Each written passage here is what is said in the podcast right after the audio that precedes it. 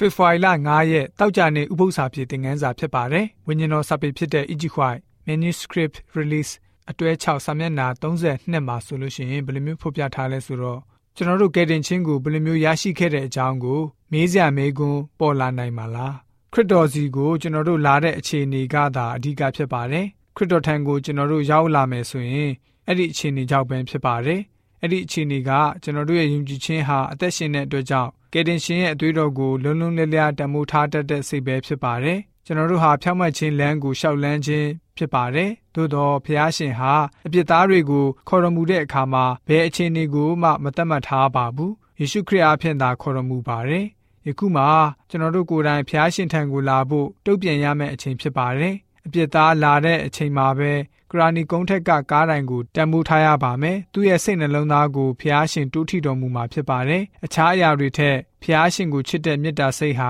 ပိုပြီးတော့ပြင်းထန်နေမှာဖြစ်ပါတယ်ဆိုပြီးတော့ဝိညာဉ်တော်စာပေဖော်ပြချက်အားဖြင့်တောက်ကြနေဥပု္ပ္ပစာဖြည့်သင်ခန်းစာကဖော်ပြပေးထားပါတယ်။ဥပု္ပ္ပစာဖြည့်သင်ခန်းစာ6ကတော့ဒီလောက်ပဲဖြစ်ပါတယ်။ဥပု္ပ္ပစာဖြည့်အစစ်စင်တစ်ဆက်သူကျွန်တော်ဆဆပါ။ကြားနာရတော့သူအားလုံးဝိညာဉ်ခွန်အားနဲ့ပြည့်ဝကြပါစေ။ကျေးဇူးတင်ပါတယ်။